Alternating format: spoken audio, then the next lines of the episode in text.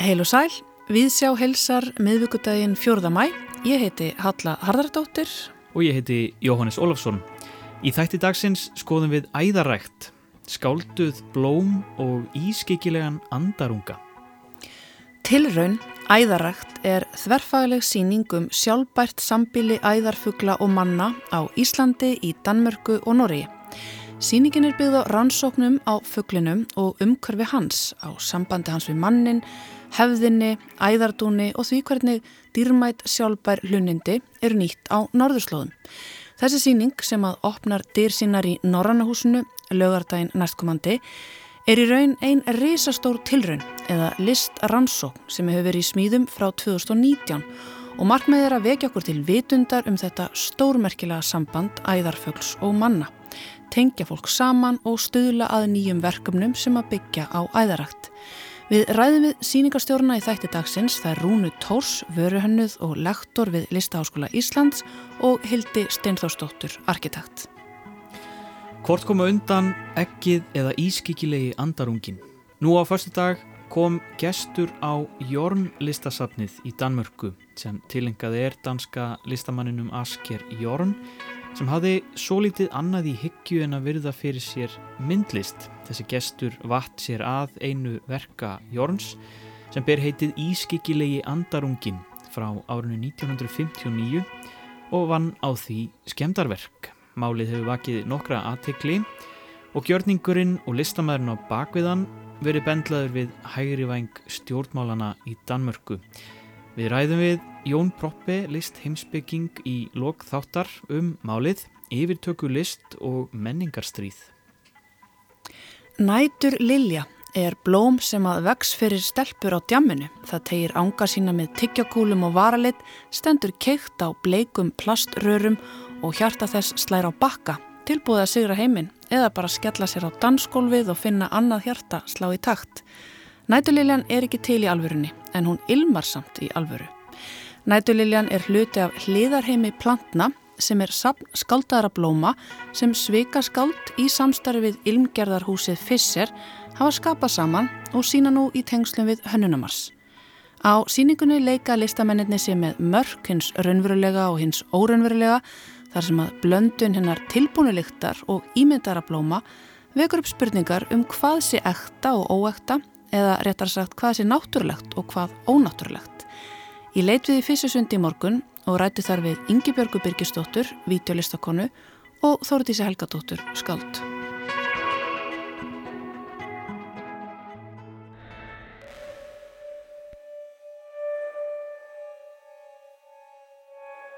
Ég er hérna stödd ofan í eldgamlum kjallara, ég veit ekki hversu gamlum, í Grjótaþorpunu í Fysarsundi ég er hérna í versluninni Fischer Ilm Paradís held ég að sé bara hægt að kalla þetta. Og uh, hér er með mér Sveikaskald, Þórdís Helgadóttir og videolistakona Ingi Björg Birgisdóttir. Takk fyrir að hitta mér náman í kallara í þessum góða ilmi stelpur Takk sem við leiðis. Takk fyrir að koma.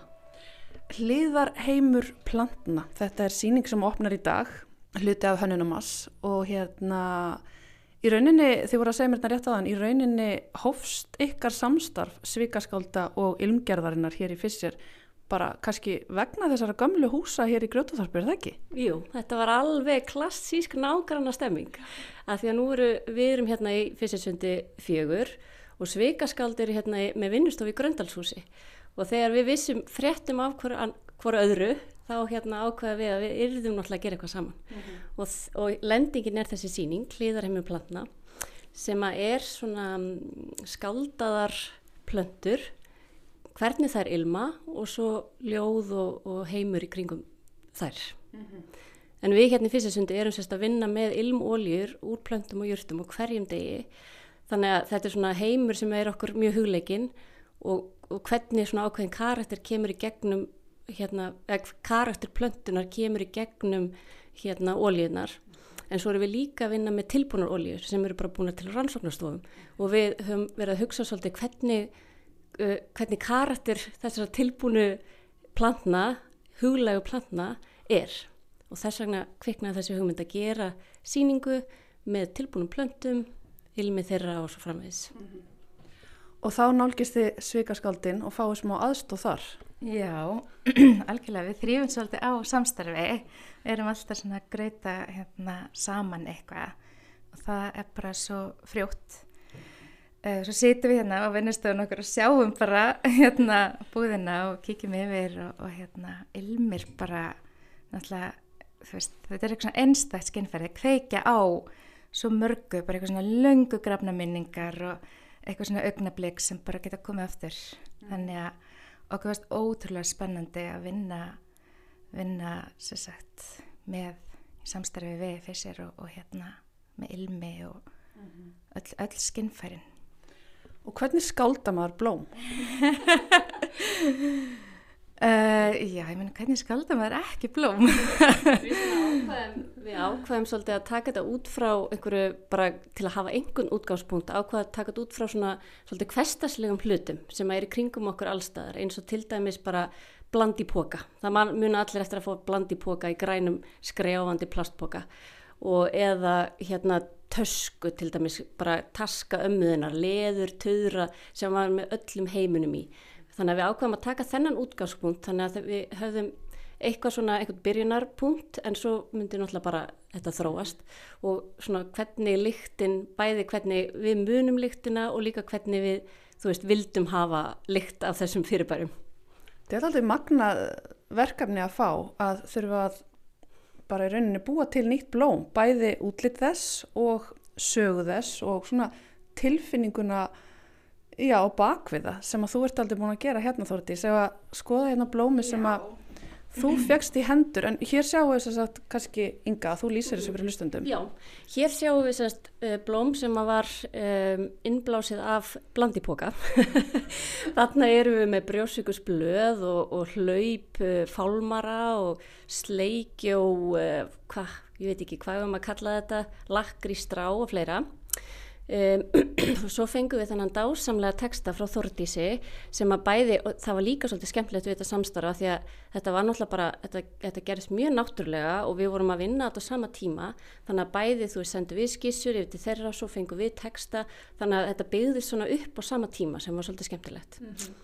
en hérna, já, þetta blóm heitir Dullfræfingur Fegst þú að velja nafnið Þordís? Ég valdi nafnið og ég valdi mig líka blandi póka þannig að það kveikti strax á uh, bara einhverju svona hafsjóa gamle minningum.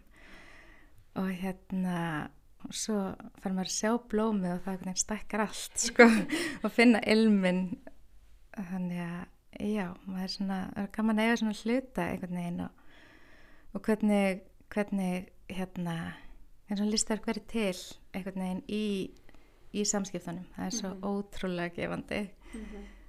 þannig að já, þetta er nammi, nammi blandan Sko ef við tölum bara aðeins um þetta vídeoverk hérna Inga um, segðu mér aðeins svona frá því hvernig þú vinnur þetta Já, ég vinn þetta þess bara í þrývitaforriti og sem er hérna, það er rauninni bara eins og að móta úr leir eða eitthvað svo leiðist, þú bara byrja með ekki neitt og svo bara hefur allan heiminn hann inn í þessu litla bóksi sem þrývitaforritið er.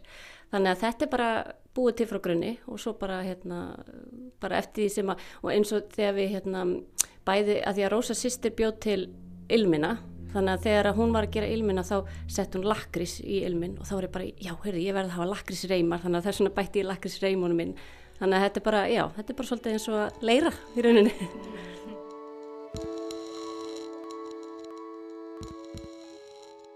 Tilfræðingur. Grænt skrjáf, sætt klístur og kinnum og litlum tönnum, lofti bráðnar eins og kandifloss og hinum einn við borðið stendur unlingur með vald í skeið. Upp í munninum sprengja, neonleitir taumar seittla út um munnveikin og begir þér nú nálagt getur komið auga á svartólið í blómbotninum í augnæð. Ótal litlar körfur bak við gler, yfirborð þaki sigur kristallum sem kalla á þig. Saltur, lakri, súrar, eldflögur sem fylla munnin, lengi og kenna þeirra sársöki og sæla eru sistkinn. Stundum kemur afi með óskiljanleg fjárráð, kaupir súkulæði dýr og bombur sem snúa alheiminum og raunguna, annars skaldu panta krónulaup fyrir 50 og krossa putta en móki án þess að telja.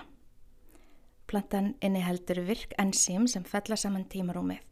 Gott er að leggja rótina í rúmið hjá fæðandi konu en þá rennur barnið á lektina og kemur auðveldlega í heiminn.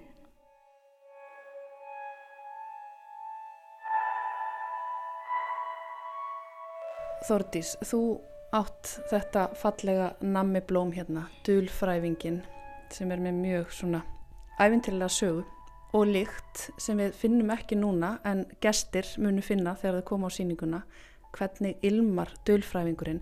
En það eru fleiri blóm hérna af því að þið eru þetta sex svikaskáld. Já, um, við erum sex skáld konur með bækistöður hérna í Gröndalshúsi. Það eru ég, uh, Fríða Ísberg Þóru Hjörleifs, Ragnir Harpa Melgorka og Sunna Dís. Og þetta var einmitt mjög organist, við fengum hérna, fengum svona hérna kveikjur frá og við erum alltaf að vinna með kveikjur í verkunum okkar. Um, organist sjá hvert hlutinni fara og hérna og svona völdum okkur úr hérna þessi blandi boka og það er kannski svolítið skemmtilegt hérna bara svona segir um ykkur að því að þær, þær fengu hérna við ákvæmum að hafa náttúrulega bara sex blóm að því að vikaskald eru sex. Og það var svolítið skemmtilegt fór, þú veist, var þetta svona, fór þetta eðlilega í þær áttir sem þetta fór? Já, Já. það gerði það. Við svona, vorum, vorum heikandi svolítið lengi að horfa svona á hugmyndirnar eins og eitthvað svona nammi í hérna skál og svo svona gripu við svona, hver svona hugmynd yeah. og allt bara fyrir stað sko. það hérna, verður að fá þess að gerjast síktast svona undir undirmeðutundina og svo veit maður mm -hmm. þannig að það bara kemur og svo er þetta svo, svo gaman, svo er þetta list augnablíksins eins og bara leikur sig eða eitthvað, maður þarf að koma hingað og finna lyktina til að upplifa og náttúrulega sjá sjá blöndunar, heyra, finna lyktina Hvernig verður það enga þegar ilminnir eru komnir hérna á sinn stað hjá plöndunum verður hægt að eh, egna sér þessa lykt að þú veist, er hægt að taka með sér heim lykt? sko ekki eins og er en, en hérna bara fólk verður bara að koma hingað og upplifa og hérna það má staldra við eins lengi að það vill á opna tíma verslununar en jú það verður nú gaman í framtíðinni að hérna aðtöða hvort það verður að gera eitthvað meira úr þessu mm -hmm. því að ilmurinn er náttúrulega svo ótrúlega svona einhvern veginn mikið svífandi fyrirbæri að hérna að svolítið gaman að geta tekið með sér heim einhverja svona minningar og hugmyndir. Já. Hér er, er, er þetta ekki taskan? Jú, þetta blóm heitir reist og þetta er, uh, innblásturinn var semst uh, taska eða veski uh, ömmuðinnar sem að geymir allt í heiminum Eh, næsta blóm heitir Næturliljur og það var innblásturinn uh, stelpur á djaminu. það, er að, það er að sjá svona sláandi hjarta og, og bleik plastrur. Já, ég held að, að allir þeir sem hafa upplifað að vera stelpa á djaminu vita það að þetta er, maður er með hjartað á bakka og fer og skellir sér á gott trúnó með vinkunum sínum og og hérna er með varalit í annara hendi og, og kannski tiggja við hinni og, og eitthvað svona. Svo erum við með efnalaug. Það er hérna, er bara sérst innblásturinn þetta þegar þú lappa fram hjá efnalaug og finnur heita gufuna leggjað vitum þér. Svo erum við með drullipollin eða hérna oljupolli eða svona með oljubrákuna og það, er, það heitir oljumók og svo er sjötta blómið heitir upphaf og þar var eh, innblásturinn svona árumáta brenna eða já, varðeldur. En ótrúlega spennandi að koma einna setna í dag eða eitthvað tíman á hönnunamas og fá að ilma af allum þessum skaldlegum blómum. Takk fyrir spjallið Þórdís og Inga og til hamingi með þessa fallegu síninga. Takk fyrir.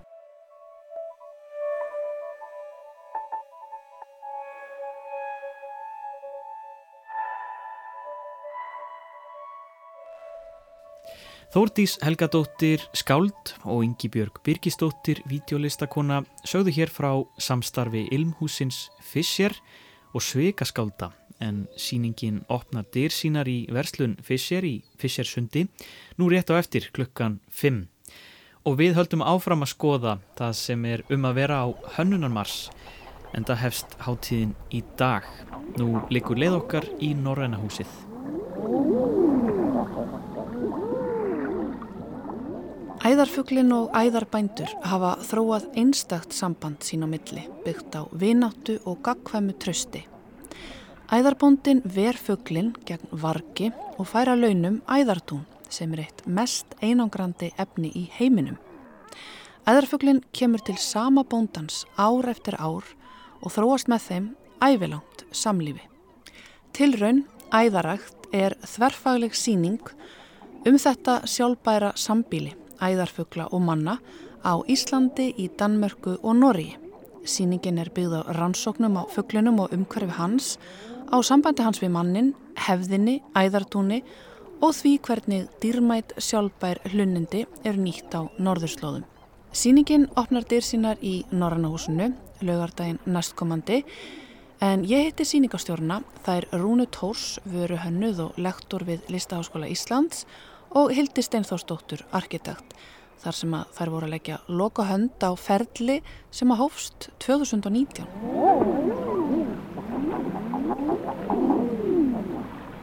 Æðaræktafélagi leitaði til okkar árið 2018 og, og vildi að við hérna, innum að einhverju verkefni í tengslum við æðarækt og við ákvaðum að þetta væri verkefni sem þyrti langan tíma þar sem að æðarföglun er út á sjó mestan hluta ásins en er svona cirka 25 daga á landi á meðan að á æðarvarpinu stendur, sérst varptímin er svona cirka 25 dagar mm -hmm. annars eru þeir alltaf út á sjó og við vildum ná að nálgast á sem oftast og mest þannig að við ákvæmum að taka svona þrjú ár í rannsókn þar sem við höfum valið listamenn úr ólíkum listgreinum og farið með þeim í æðarvarp við svegarum landið bæði sem hópur og, og sérst, svo hafa þau farið líka sem einstaklingar bara heimsækja ólíka æðabændur og, og kanna þennan ótrúlega heim æðarektar á Íslandi. Mm. Svo erum við með líka listamenn í Nóri og Danmörku sem er að kynna sér þessa hefð þar sem er svolítið ólík því sem gerist hérna á Íslandi en það er gaman að hafa þennan samanbörð og samtal milli þessara mm -hmm. þjóða. Þannig að æðaræktafélagið nálgæðist ykkur í listaháskólanum 2018. Af hverju? Í rauninni það var af því að það stýttist í ammæli hjá æðaræktafélaginu og þau vildu eh, stuðlað einhverju nýsköpun eða einhverju nýju í tengslu við æðarækt, fá svona kannski nýjan vingil á þetta viðfangsefni og vildu hafa þetta sem svona verkefni innan listaháskólans. En þetta er einhvern veginn viðfangsefni sem þarnast meiri rannsóknar tíma þannig að við ákvaðum að taka þetta frekar yfir í lengra verkefni þar sem við getum rannsakað það í lengri tíma og farið síðan og fengur sér sett Uh, uh, nýjútskrifaða allt frá því að vera nýjútskrifaðir uh, hannuðir að listamenn yfir í bara fólk með mikla reynslu úr, úr bransanum. Eins og þú segir æðafuglin er hér í 25 daga þannig að í rauninni eru þið Hildur, þið eru að laga ykkur að þörfum hans og hans lífi. Þetta er svolítið skemmtilegt. Já, þetta búið að vera rosalega skemmtilegt ferli og einmitt maður mætir þessu verkefni með mikilvæg auðmíkt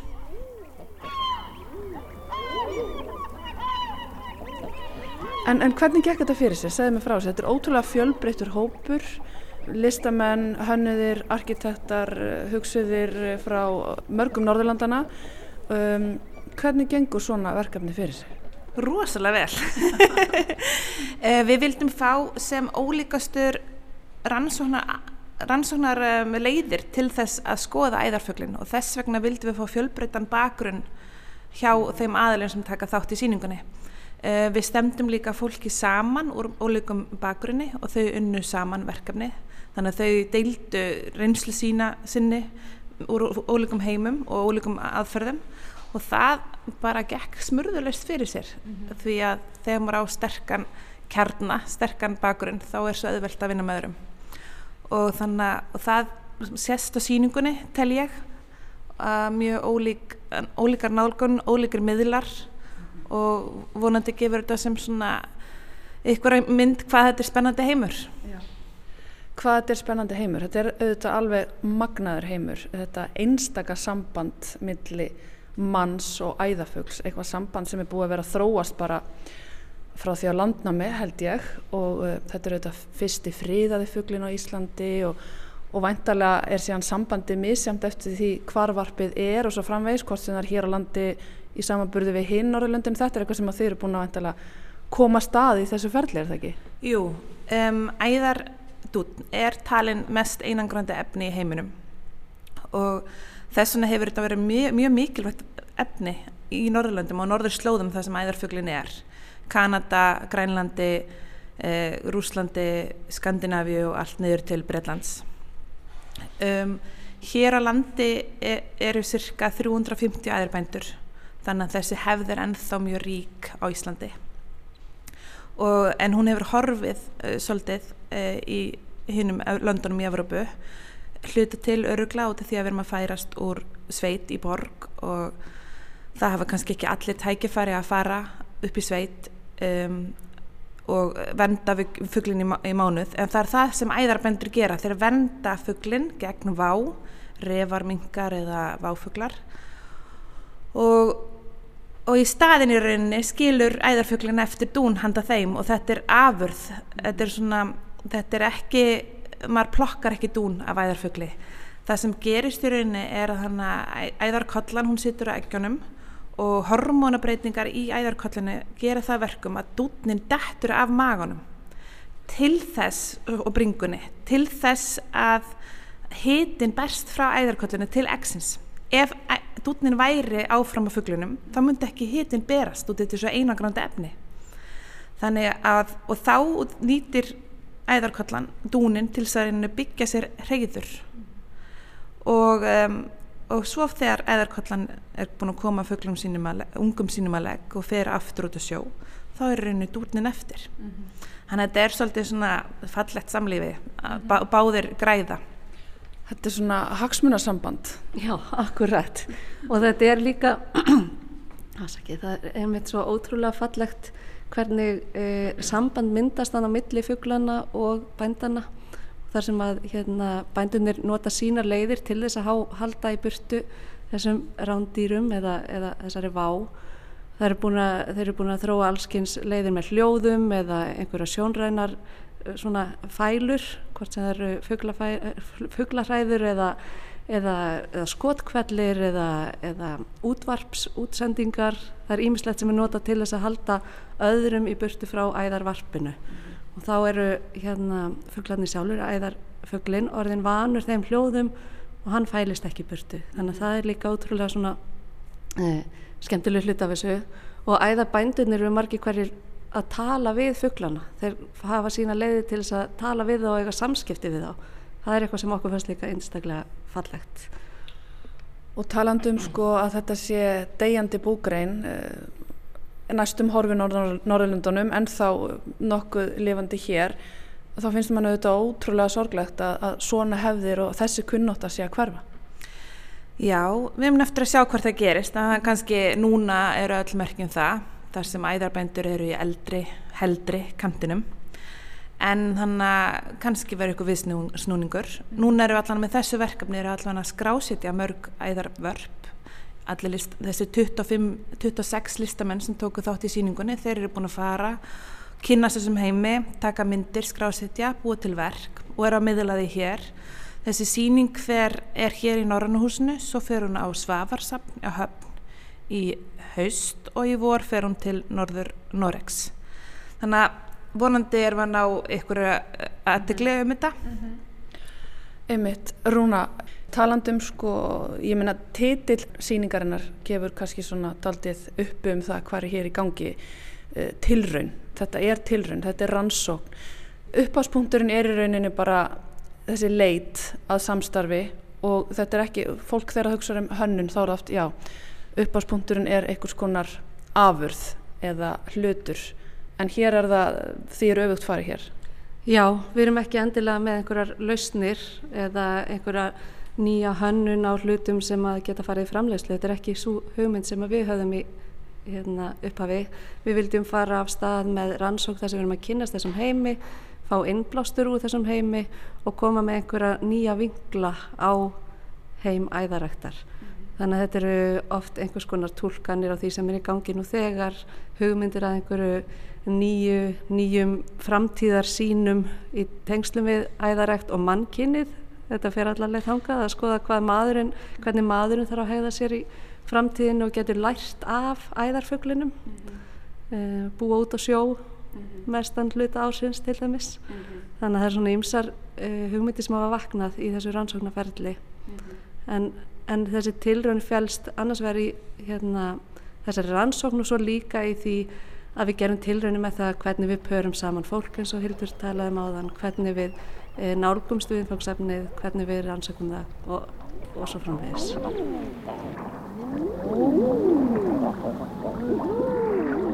Einmitt, talandum sko þetta samband manns og fugls og þessa áherslur. Nú er mikið talað um mannöldina og hvernig við erum að færast frá þessum því að maðurinn sé miði alheimsins, við erum komin í eitthvað svona post-humanist ástand. Er þetta ekki svona fullkomi endurvarp á þær pælingar? Akkurat og þess vegna fannst okkur svo áhugavert að taka við þessu verkefni, þessari áskorun sem við fengum frá æðarættafélaginu mm -hmm. og þetta er búin að vera einstaklega lærdomsríkt. Um, það er nefnilega svo áhugavert sko að allir æðarbændunir sem við erum búin að heimsækja, þeir eru að vinna með það sama, þeir eru að hjálpa fuglunum til þess að fjölga sér og í staðan að taka dún. En þeir gera þetta allir á mismöndi hátt, þannig að það er að, það er að skoða það er hægt að læra svo mikið af þessu hvernig við getum verið með einn hlut en gert á marg, margan, marg mismundi hátt okay. um, æðarkvöldan og æðarbleikin þau þannig að eiga lífstitt, lífslangt samband þau rauninu eru hjón og þannig eru þau líka við sinn æðarbonda þannig að þau koma alltaf sama aftur tilbaka til sama bonda mm -hmm. þannig, að, þannig að þess hefur þetta verið svona lífslöng þróun hjá þeim báðum og einhvern veginn þess vegna verður þetta svo mikið sérkenni mm -hmm æðarbændbúndin sko, hann þekkir æðarkallunar. Þetta hagsmunarsamband verðist að vera að komi bara inn í DNA hjá bæði manninum og fugglunum. Já, akkurat. það er mjög skemmtilegt. En hvernig er fyrir þig sem arkitekt að nálgast svona? Þetta lítur að vera ótrúlega áhugavert að sjá hvernig kollan byggir sér þetta rými og hjálpar ungunum að komast að legg og svo framvegis. Og akkurat og kemur aftur aftur og þróar eh, heimkynni sín áfram, aftur og aftur. Mm -hmm. og það er svo gaman að þetta er einni landneimar, getur maður sagt. Og þau uh, fá hjálp. Uh, æðarbændur búið til alls konar struktúr til að verja. Og það er algjörlega eftir umhverfinu. Uh, þú veist, æðar, æðarrækt í auðnundafyrði er alltaf öðru sem æðarrækt á Hrísei mm -hmm. eða á Bessastöðum. Þannig að þetta er mjög ólíkt. Og þetta hefði staðbundna og skinni umhverfið og hvernig við nótum landið á mismundi hátt. Það mjög, kemur mjög skýrt fram í æðarætt. Einmitt. En Rúna, mér langar hérna að lókum að það eru auðvitað verið að setja upp verkin hérna, það er ímislegt komið upp en þetta er auðvitað það sem að grýpur aðteglum hans hérna fyrst við ingangin, það er þessi, þetta dún skí. Já, þessir hönnuðir, Valdís og Tanja, það er heitluðist að því hvernig dúnin loðir saman, það eru svona örfínir krókar á á dúninum sem heldur honum í rauninni saman sem gerir það verkum að hann fíkur ekki þegar þó það blási á dúnin þannig að þetta verk er svona til að, til að rauninni bara miðla því hvað þetta er ótrúlega fallegt efni sem að hefur þessa ótrúlega eiginleika. Svona örstuðt á lókum að því að þú ert búin að vera núna síðastliðin ára ferðastulandið og upplefa æðaræktina með bændum hvað svona, hvað stendur upp úr eftir allt þetta ferli þessa margra ára rannsá um, hvað stundur uppi það er bara þetta ævindýri og ferli og hlutir er að taka tíma þú veist, þú, þú ferð ekkert bara hugmyndur að gera hana heldur þróar hana og þú ert að hlusta á náttúruna og vinna með henni mm -hmm. virðing, auðmíkt mm -hmm. það sé ekki líkilorðin í aðrætt Þekktur þetta sambíli áður en þú fórst að staði þetta ferðalag? Ég held að við rúna höfum bæði vitað um æðarætt, alveg potið, en maður skildi ekkert hvað það þýtti. Já, ég sammála því. Við höfum lært ótrúlega mikið en e, ákvaðum það að þessi síning er ekki til þess að útskýra hvað æðarætt er, heldur er þetta meira svona miðla því, miðla upplifun okkar allra á því að fara í heimsókn í æðarætt og, og kynast þessu viðfangsefni. En hérna, ég vona bara að þetta verði, þessi síning verði innblástur fyrir fólk til þess að fara og kynna sér meiri æðarækt og æðarfuglinn og við fara að hlusta betur og fallegur ljóðin í æðarfuglinum.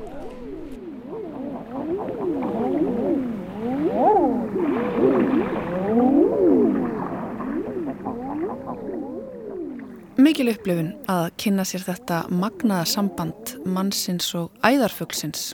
Hópur ólíkra listamanna miðlar sinni reynslu á síningunni sem hefur verið fjögur ár í smíðum en það er æðarfjöglinn bara staðsettur um 25. ásins í landi eins og kom fram í þessu samtali.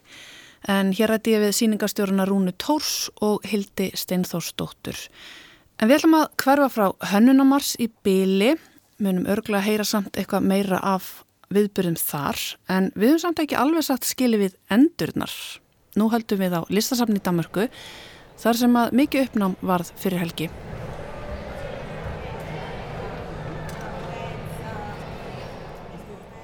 Jórn safnið í Silkeborg í Damörku.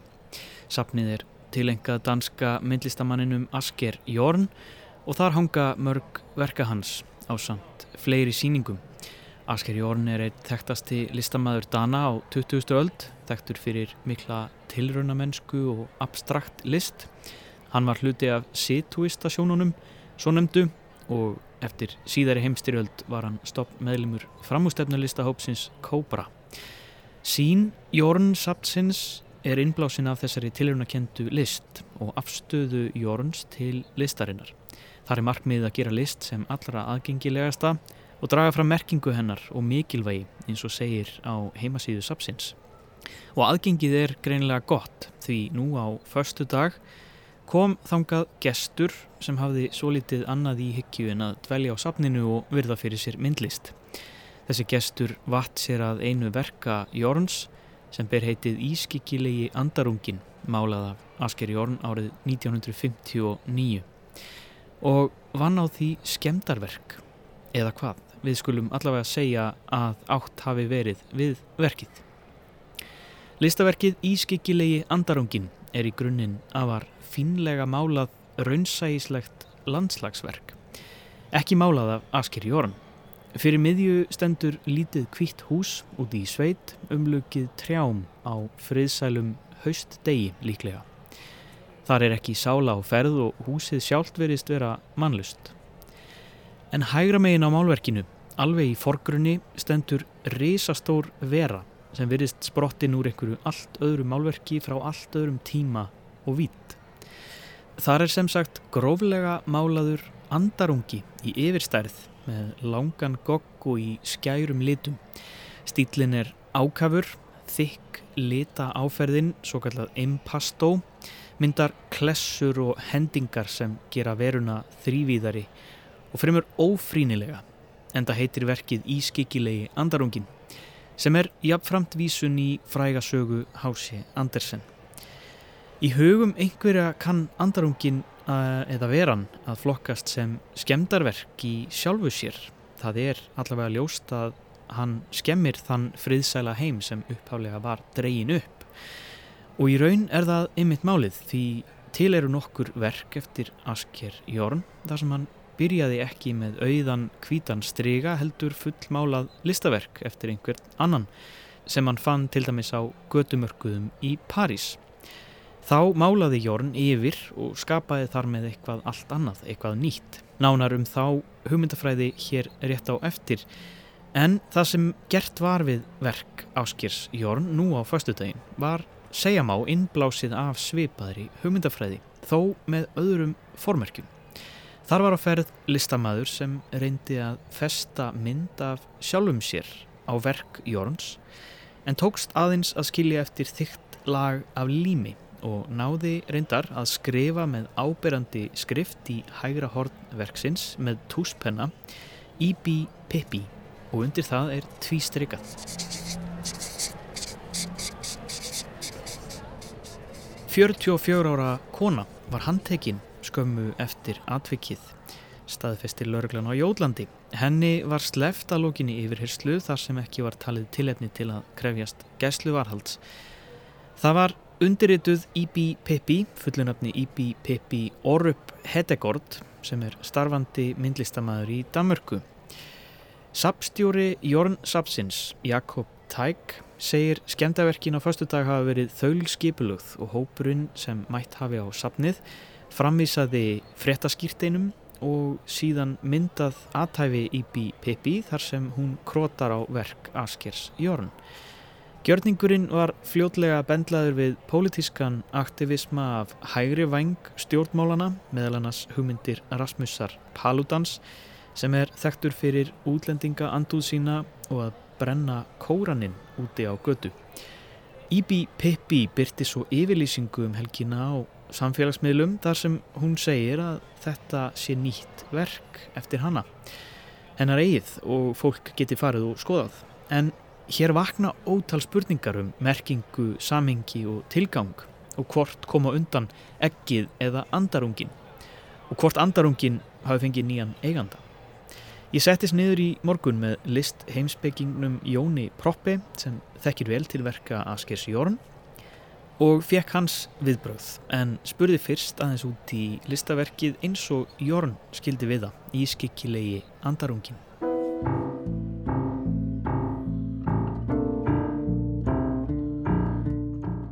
Asker Jórn var mjög aktífur og uh, hugsandi myndlistamæður og, og og það má kannski segja að hann komi inn í, í myndlistin á árunum rétt fyrir stríð svona inn í þennan hóp af ungu listamönnum sem að, að hafðu ákveðin tengsl við surrealisma og líka við abstraksjón. uh, Svavar okkar Guðnásson til þessum hópa þeir eru góður vinnir mm -hmm. um, um, eftir stríða þá má segja kannski að, að, að Asker hafi smátt og smátt farið að huga meira að pólitískri list og að menningarpolítík á og tvei og uh, þetta verk frá 59 tengist uh, svolítið þáttöku hans í, í reyfingu sem að, að kalluðu sig situasjónistana og átti sér kannski svolítið að miðju í, í, í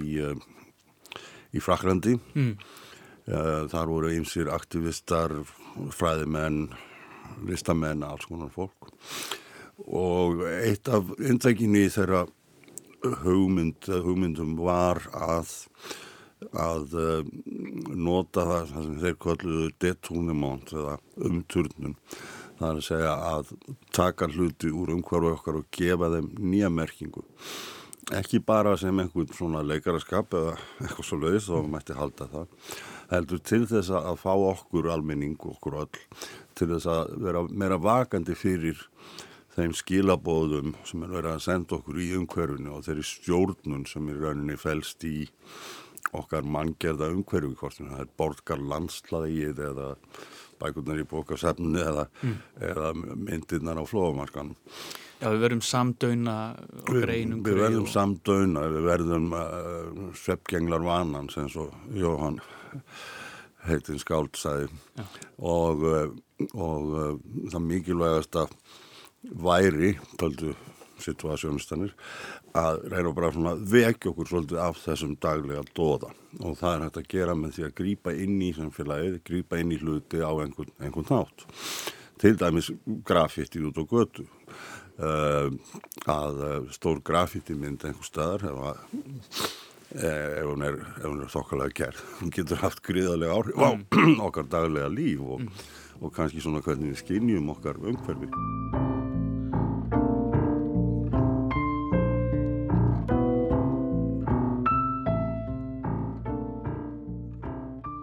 og Asker kýst náttúrulega að mála inn á þetta þennan svakalega amtarungar sinn í, í, í æbandi rauðum og bláum og grænum og gulum litum.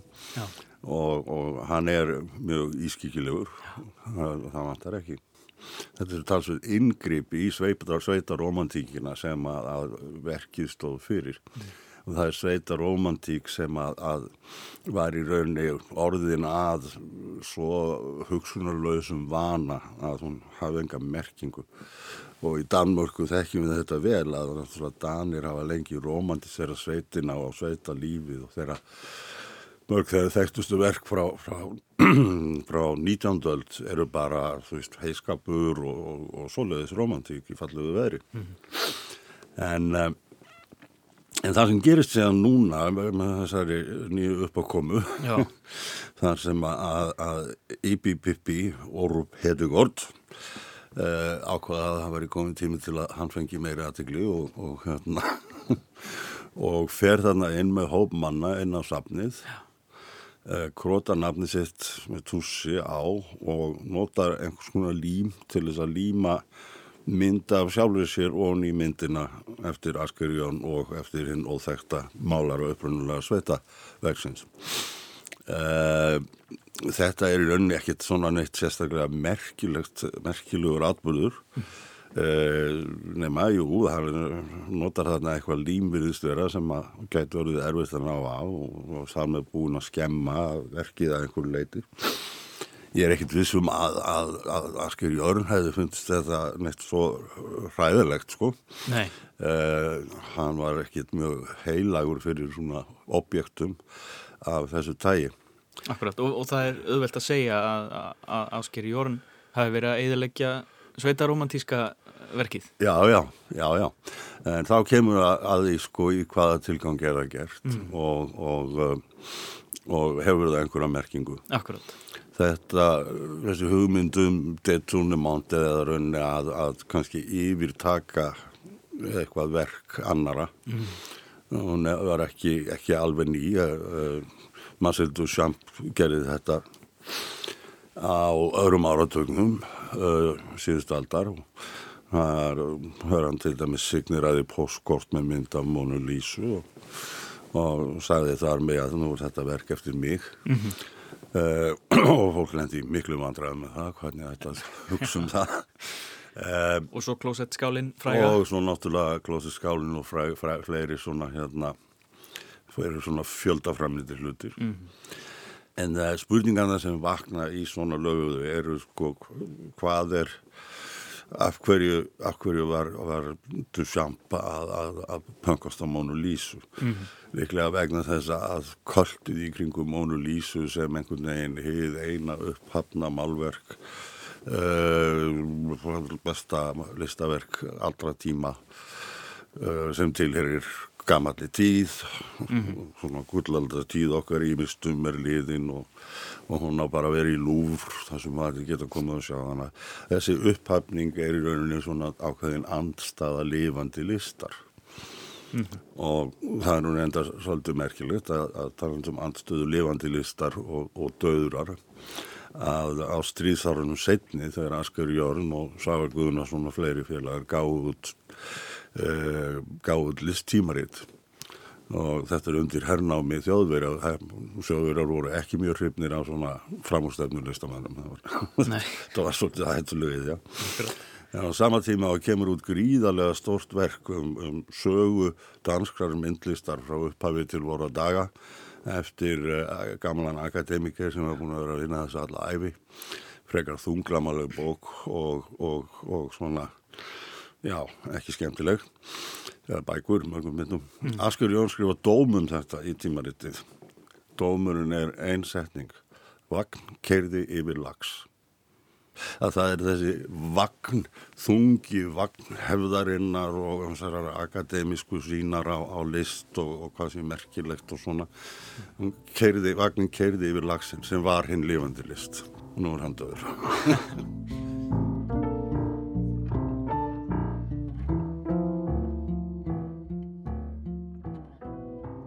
og svo kemur líka núna hva, hvað er Pippi að gera mm. Íbí Pippi er mjög skritið fyrir bæri. Við erum svona verið að tilla sig vist að mann en eh, er rauninni svona lítið merkilegt sem líkur eftir hann. Já. hann er aðalega þekktur fyrir það fyrir nokkrum árum að þá leta hann sem sagt skrá sig sem konu. Já en, eh, en eh, fór ekki í neina meðferð eða aðgerðir og hefur engan áhuga á slíku. Nei. Uh, það sem hann var í rauninni að reyna að draga fram var í einhvers konar að gera grína að eða hvað sé fárun þetta fólk getur bara þóst vera hvað kynns það vil og uh, þarna heyrur að skilabúðun eru kannski farin að verða svolítið spónu spúki sko. Já og þessi gjörningur núna kakvart eh, Asker Jörn og hans verki, hann var tekinu upp af fólki sem var með honum sem var síðan sendt út á skonar hægri chatrúmi Patriotenegur Life heitir það eitthvað svo leið sem, sem eru venjulega aðalega að pankast út í, í muslim og innflytjendur. Og þetta var bendla strax við Rasmus Paludan. Og bendla strax við Rasmus Paludan sem að stundar það að hóta að brenna kórana og hleypa öll í loft upp. Já. þannig að, að þessi aðgerðinu svona að koma frá svolítið svona kannski óvinnulegum stað að mjög margir sem eru í svona hægri tjattrúmum hafi ekki aldrei komið á listasafn en, en það er hann að málu en þarna er eitthvað að Asker Jónskuli geta bara tekið verk eftir einhvern annan, krótað eitthvað á það og sagt ég hef þetta verk það fyrir töðunar á manninum mm -hmm. eða fólkin í kringum hann alveg eins og það fyrir töðunar á þeim að, að einhver getur sagt ó, mér líður bara, ég, ég vil freka að vera kona og náttúrulega vera kona mm -hmm. þannig að, að þetta er partur af þessum svona culture war já þetta stríðum það hvað listamenn megi gera hvort að hann bara lega sér að gera þetta? Hérna, hvað, hvað þýðir þetta? Þetta er ekki bara, bara að gera grín á okkur. Já. þetta eru sömuð viðbröð og við höfum nú verið að fá við nýstafleiri myndlist uh, alla tíð. Mm -hmm. og þá er ég ekki bara að tala um einhverja svona fríkaða nýlist heldur heldur í sjálfsæðu sögur sem ég segir eh, Áskilsson Jónsson frá því þegar hann var að sína heklumyndina sína stóru 1909 hérna í Reykjavík. Og einna betri borgurum bæjarins var svo reyður og raug út. Hann sagði þessi litir er ekki til.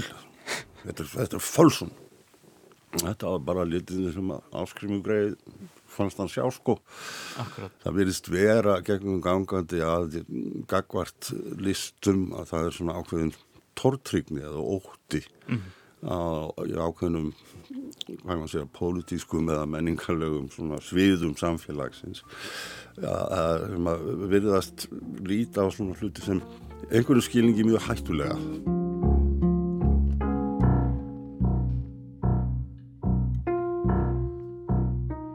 Þú nefnir einmitt hérna, menningarstríðið og, og það hefur svolítið byrst í, um, uh, í stittum viða um heim svona kannski svona ábyrrandi frétti frá bandarækjunum og, og Breitlandi já, já. tengt eh, nýlendu tímanum og, mm. og svo eh, eigum við eiginlega okkar, okkar svoleiðis dæmi stittan fyrsta kvítamóðurinn í Ameríku eftir Ásmund Sveinsson var tekinn af sínum stalli mm. og færið í, í nýtt samhengi á nýjan stað í, inn í, í geimflög uh, og úr því verður nýtt verk eða allavega verður stittan hluti af öðru verki um, mm. þetta, er, þetta er svipuð þetta er svipuð umræða Já og þetta er þarna er um að ræða einhvers konar uh, yfirtöku stundum talað um þetta svona sem yfirtöku list uh, eða allavega er stitta stittan tekin í eitthvað nýtt samhengi mm.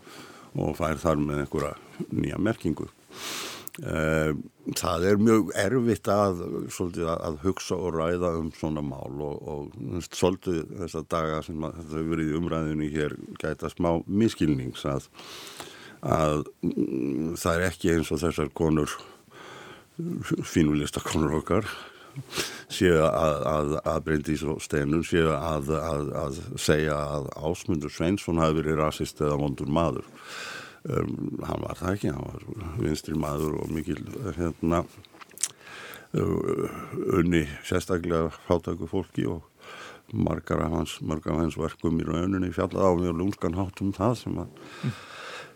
fólk alltaf segi ekki alveg á politísku intækið þeirra lengur mm.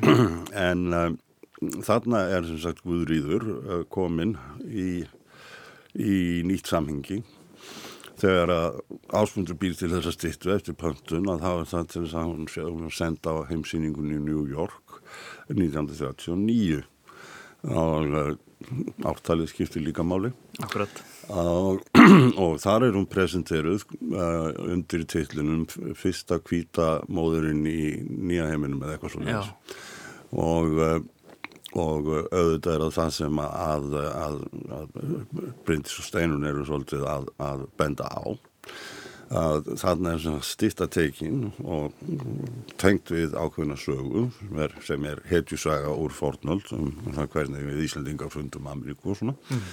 uh, og uh, hún er presenteruð inn í samhengi í bandaríkjunum akkurat á þeim tíma þegar að það voru, voru gangi mikil átök í bandaríkjónum um það hvernig ætti að mitológisera í rauninu uppbruna bandaríkjana og, og það, þar skiptir auðvitað mestu máli saga kvítamannsins í bandaríkjónum mm.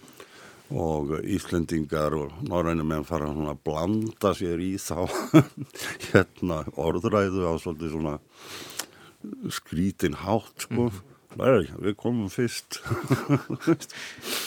en, uh, en uh, þannig að þetta er svona ennitt ferðalag bara, Guðrýður var við förul, hún fór mm. út um allt og, og hún var nú, verðist nú vera eftir því sem að sögum fyrir aðinni, hún hefði verið nokkuð svona opinn fyrir nýjungum og allavega alveg til í að kíkja til Rómar og svona mm. þannig að, að getum alveg ímyndað mér að hún hefði bara haft gaman að þessu stuttaferðaræði hérna innanlands hvað mér hefði fundist eða hefði eðilagt stittuna þá hefði ég eftir svolítið erfiðar með það mm. það er svolítið sko uh, yfirtaka uh, hún krefst samhengi hún krefst hugsunar og en ef maður ætlar að, að framkvæma slíkt á aggressívan hátt mm -hmm. til dæmis með því að ráðast inn í sapn og skemma verk að þá þarf maður nú að hafa sko helvíti góð raug fyrir því uh, eða minnstakosti vera með nokkuð skýr skilabúð til að komast áleiðis mm -hmm. og því miður þá hefur Íbí Pippi það ekki alveg en ég held að skilabúð Bryndisór Steinunar komist nokkuð skýrt í gegn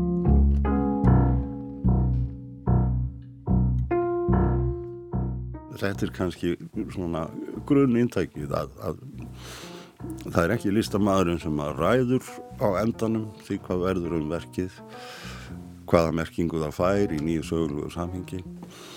En það er alltaf mikil ábyrð að grýpa inn í og, og, og, og þeir sem að gera það þurfa að, að vera tilbúinu til að axla þá ábyrð Við skulum hafa þetta loka orðin Takk fyrir komina Jón Proppi, listeinsbyggingur og, og við fylgjumst bara með þessu máli áfram. Já, spennandi máli. Já. Takk. Takk.